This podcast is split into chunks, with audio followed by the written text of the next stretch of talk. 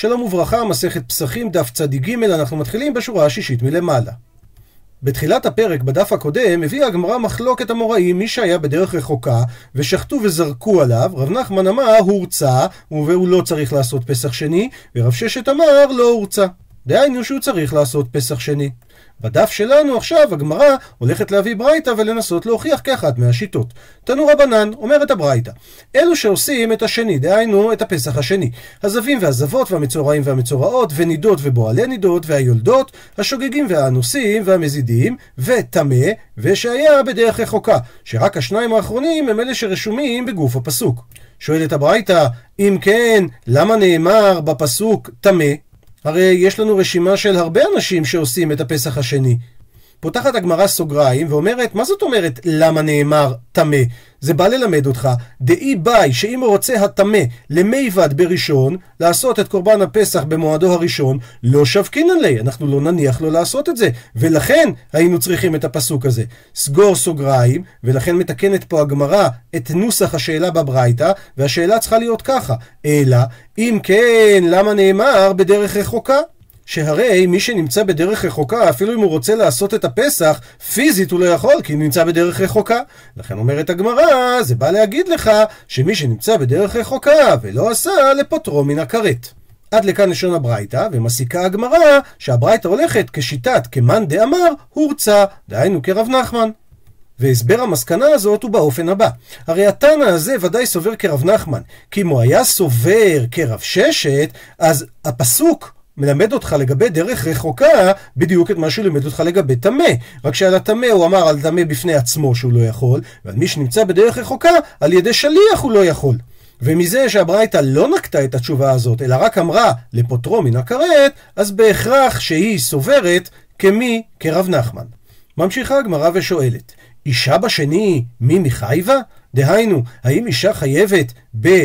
פסח שני? כי הרי הברייתא שהבאנו לפני רגע אמרה שם זבות, מצורעות, יולדות, איך זה יכול להיות שנשים חייבות בפסח שני? והתניא, והרי שנינו בברייתא, יכול לא יהיו עושים את השני, אלא טמא לנפש ושהיה בדרך רחוקה, כי רק הם נמצאים מנויים בפסוק בצורה מפורשת. לגבי זבין ומצורעים ובועלי נידות, כמו שאנחנו רואים, יש פה רק גברים, אין פה נשים, אז מניין שהם חייבים בפסח שני? תלמוד לומר, מזה שכתוב בפסוק, איש איש כי יהיה בדרך רחוקה. רחוקה. סליחה, כתוב איש איש כי יהיה טמא, דהיינו כל סוגי הטמאים נדחים לפסח שני. אבל מכאן אנחנו רואים שנשים לא נמצאות ברשימה, אז איך הברייתא הקודמת אמרה שנשים כן חייבות בפסח שני? עונה הגמרא, לא קשיא, הרבי יוסי, הרבי יהודה, ורבי שמעון. שרבי יוסי אמר בדף צדיק א' שנשים בפסח שני שוחטים עליהם בפני עצמם הם חייבות, לעומת זאת שיטת רבי יהודה ורבי שמעון שנשים לא חייבות בפסח שני. ממשיכה הגמרא, תנו רבנן, שנינו בברייתא. חייב כרת על הראשון וחייב כרת על השני, דברי רבי. רבי נתן אומר, חייב כרת על הראשון ופטור על השני. רבי חנניה בן עקביה אומר, אף על הראשון אינו חייב כרת, אלא אם כן לא עשה את השני. בואו נראה את הדברים ברש"י. שיטת רבי, שאדם חייב כרת על הראשון וחייב כרת על השני, הכוונה שיש חיוב כרת על ביטול במזיד של פסח ראשון, או על ביטול במזיד של פסח שני. וודאי אומר רש"י שאדם אחד לא יכול, אפילו אם הוא מבטל פעמיים, הוא לא יכול לקבל פעמיים כרת. כתרי קטלי בחד גברא ליקה, אי אפשר להעניש פעמיים בן אדם בכרת. רבי נתן לעומת זה אומר שאדם חייב כרת על ביטול במזיד של פסח ראשון, אבל הוא פטור על ביטול במזיד של פסח שני, לכן אם הוא שגג בראשון והוא הזיד בשני, הוא יהיה פטור. כי על שוגג לא מתחייבים כרת, ומזיד בשני לא רלוונטי. בדעה השלישית, רבי חננה בן עקביה אומר שהם תלויים אחד בשני. אף על הראשון אינו חייב כרת, אלא אם כן לא עשה את השני. דהיינו, אפילו אם הוא יזיד וביטל את הפסח הראשון, הוא לא יהיה חייב כרת עד שהוא גם יזיד ולא יעשה את השני. אבל, אם הוא עשה את השני, או לחילופין, הוא שגג בו, הוא יהיה פטור לגמרי. למה? כי כל המהות של פסח שני זה תשלומים עבור פסח הראשון, והוא תקנה עבור הפסח הראשון. ולכן, רק אם הוא הזיד בפסח השני, זה בעצם גומר לו את העונש של הכרת אם הוא הזיד גם בראשון. והנפקא מינה תהיה שאם הוא שגג באחד מהם, ממילא הוא יהיה פטור. ממשיכה הגמרא, ואז דו לטעם היו. דהיינו, רבי ורבי נתן כבר חלקו בדבר הזה במקום אחר. דתניא, ששנינו, גר שהתגייר בין שני פסחים, בין פסח ראשון לפסח שני הוא נהיה יהודי. וכן קטן שהגדיל בין שני פסחים, שבפסח ראשון הוא לא היה בר מצווה, פסח שני הוא כבר כן היה בר מצווה. הלוואי ונתעסק בשאלה הזאת ונפסיק להתעסק בשאלה הקבועה שלנו לגבי ספירת העומר על מי שהגדיל אחרי הפסח. אומרת על זה הברייתא, חייב לעשות פסח שני דברי רבי. לעומת זאת רבי נתן אומר, רק מי, כל שזקוק לראשון, לפסח ראשון חייב, רק הוא זקוק לשני. לעומת זאת, כל שאין זקוק לראשון, הקטן לא היה זקוק, הגוי לא היה, אז גם הוא אין זקוק לשני. ואז אומרת הגמרא, במאי כמפלגי, במה בעצם נחלקו שלוש הדעות האלה?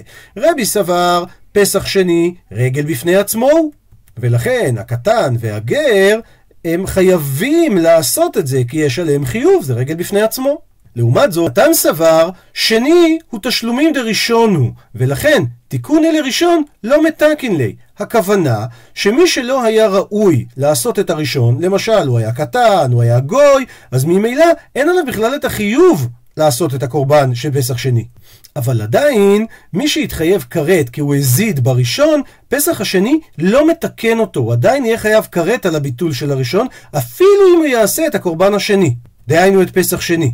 לכן, גם במציאות הפוכה, שהוא שגג בראשון והוא ביטל במזיד את הפסח השני, הרי אין עליו חיובה כי הוא שגג בראשון, וממילא, גם בשני הוא לא יהיה חייב אפילו שהוא ביטל אותו במזיד. והדעה השלישית, רבי חנניה בן עקביה סבר שהקורבן של פסח שני תקנת דראשון הוא. דהיינו, הוא בא לתקן מהכרת שמוטל עליו בראשון, שאם הוא הזיד בראשון, אז עשיית הפסח השני פוטרת אותו מהכרת. ואומרת הגמרא, ושלושתם מקרא אחד דרשו, הם דרשו את הכל מאותו פסוק, שכתוב, והאיש אשר הוא טהור, ובדרך לא היה. בואו נסתכל על הפסוקים בפנים.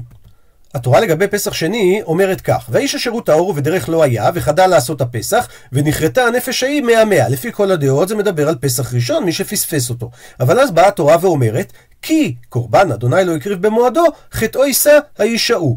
כי יכול לשמש בארבע משמעויות, ולפי זה הנגזרת למה התכוונה התורה כשהיא המשיכה את הפסוק קורבן השם לא הקריב במועדו חטאו יישא. רבי סבר שמה שכתוב וחדל לעשות הפסח ונכרתה זה מדובר דלא עבד בראשון על בן אדם שלא עשה את הפסח הראשון המילה כי היא במשמעות של אי נמי דהיינו במשמעות של לשון או או שהוא לא עשה, קורבן השם לא הקריב במועדו, הכוונה שהוא לא עשה בשני, את פסח שני. וממה, שואלת הגמרא, ומאיפה אתה יודע שהמילים חטאו יישא, הכוונה כרת הוא, שזה עונש כרת? הפכנו דף, כסבר, סובר רבי, שמגדף, היינו, מברך השם. הכוונה, בספר במדבר פרק ט"ו כתוב והנפש אשר תעשה ביד רמה מן האזרח ומן הגרת אדוני הוא מגדף ונכרתה הנפש ההיא מקרב עמה וגם בהמשך היא כרת תיכרת. זה נקרא מגדף. יש בויקרא כ"ד מה שנקרא מברך, זה לשון סגי נאור, בעצם מדובר על איש איש כי יקלל אלוהיו ושם כתוב ונשא חטאו. ויש מחלוקת במסכת כריתות האם יש זהות בין דין מגדף לדין דין מברך. אז רבי הוא כמו הדעה שסוברת שמגדף שבו כתוב מפורש את עונש הכרות זה בעצם כמו הדין של מברך את השם.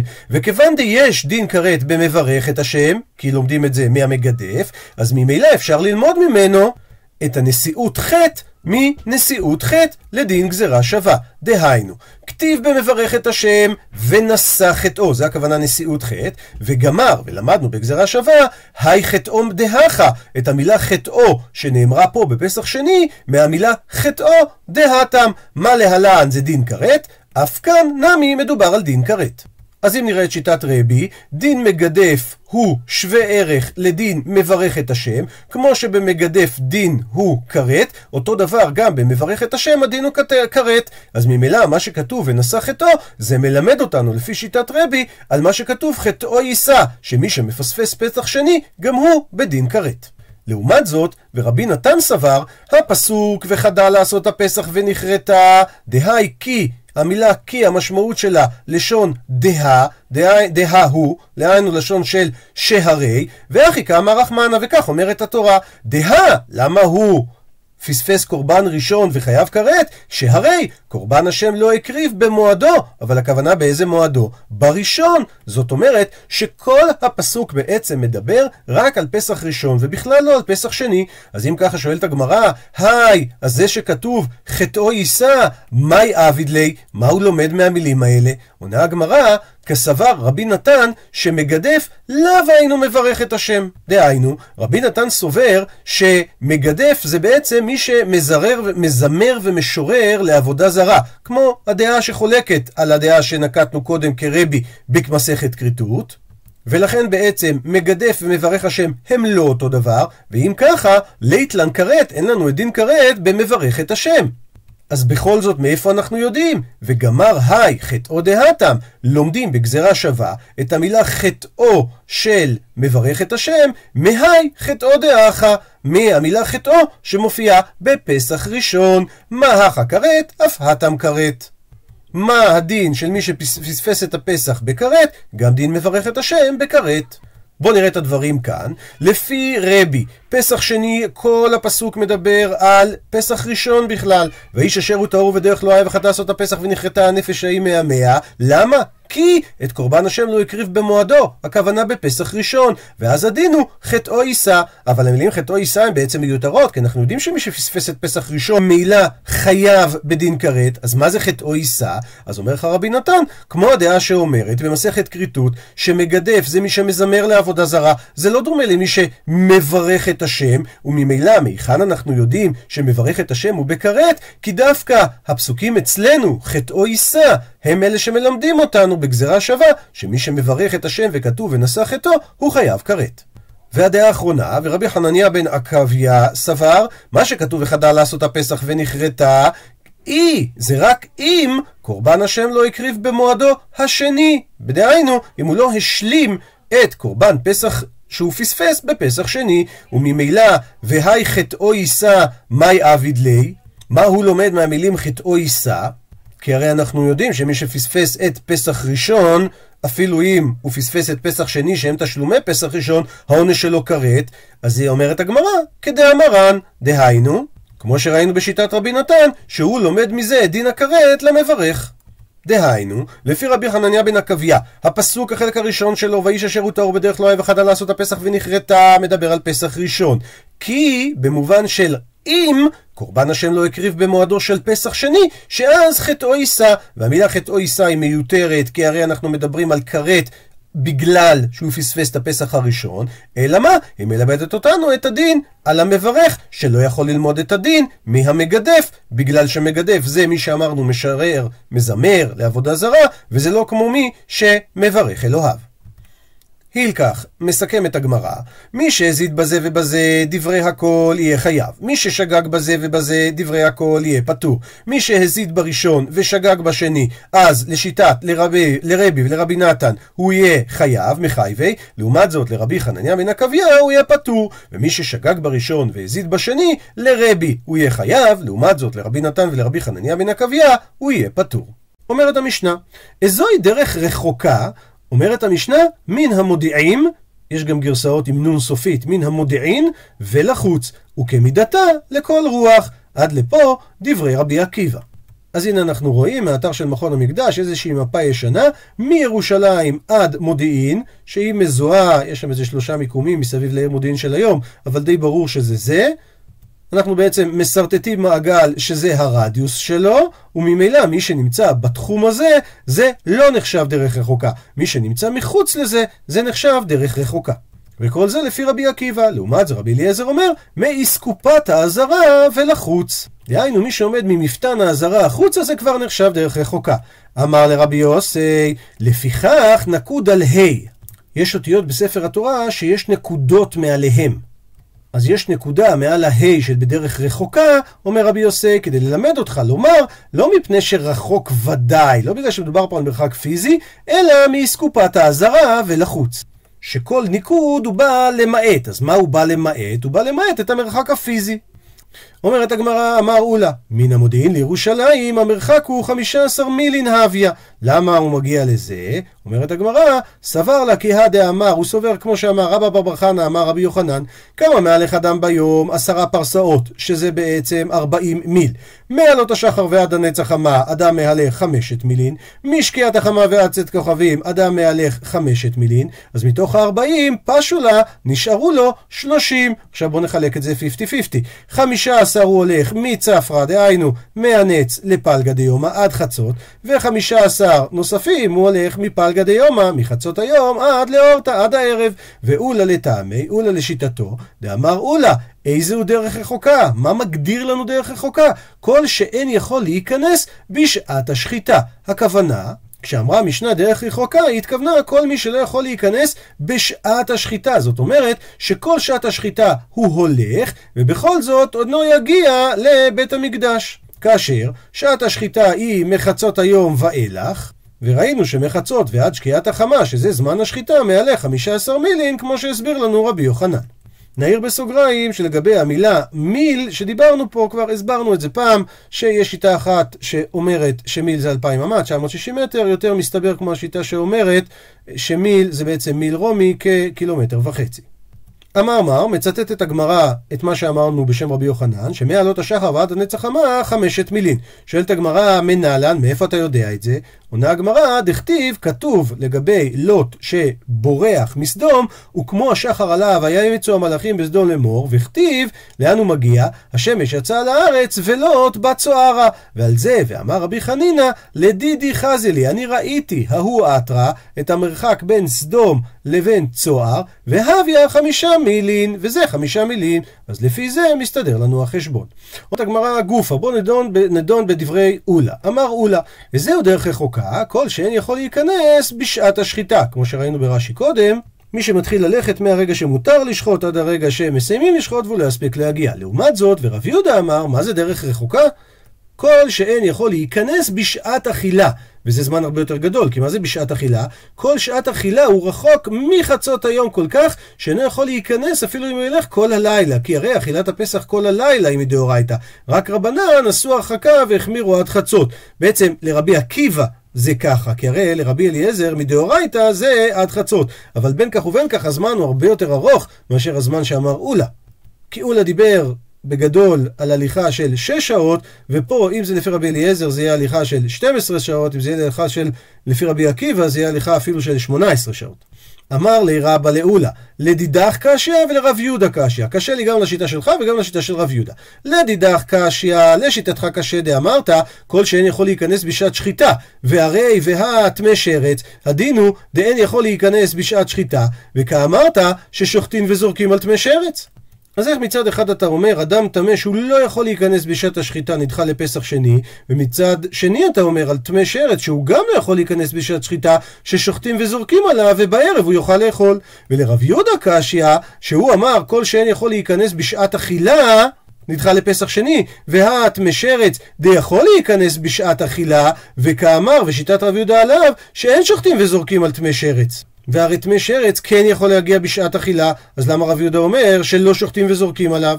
אמר לי, אז הוא עונה לו, לא לדידי קשיא, לא לשיטתי קשה, ולא לרב יהודה קשיא. לדידי לא קשיא, לשיטתי לא קשה, למה? כי דרך רחוקה זה דווקא דבר שנאמר לגבי לטהור, ואין דרך רחוקה לטמא.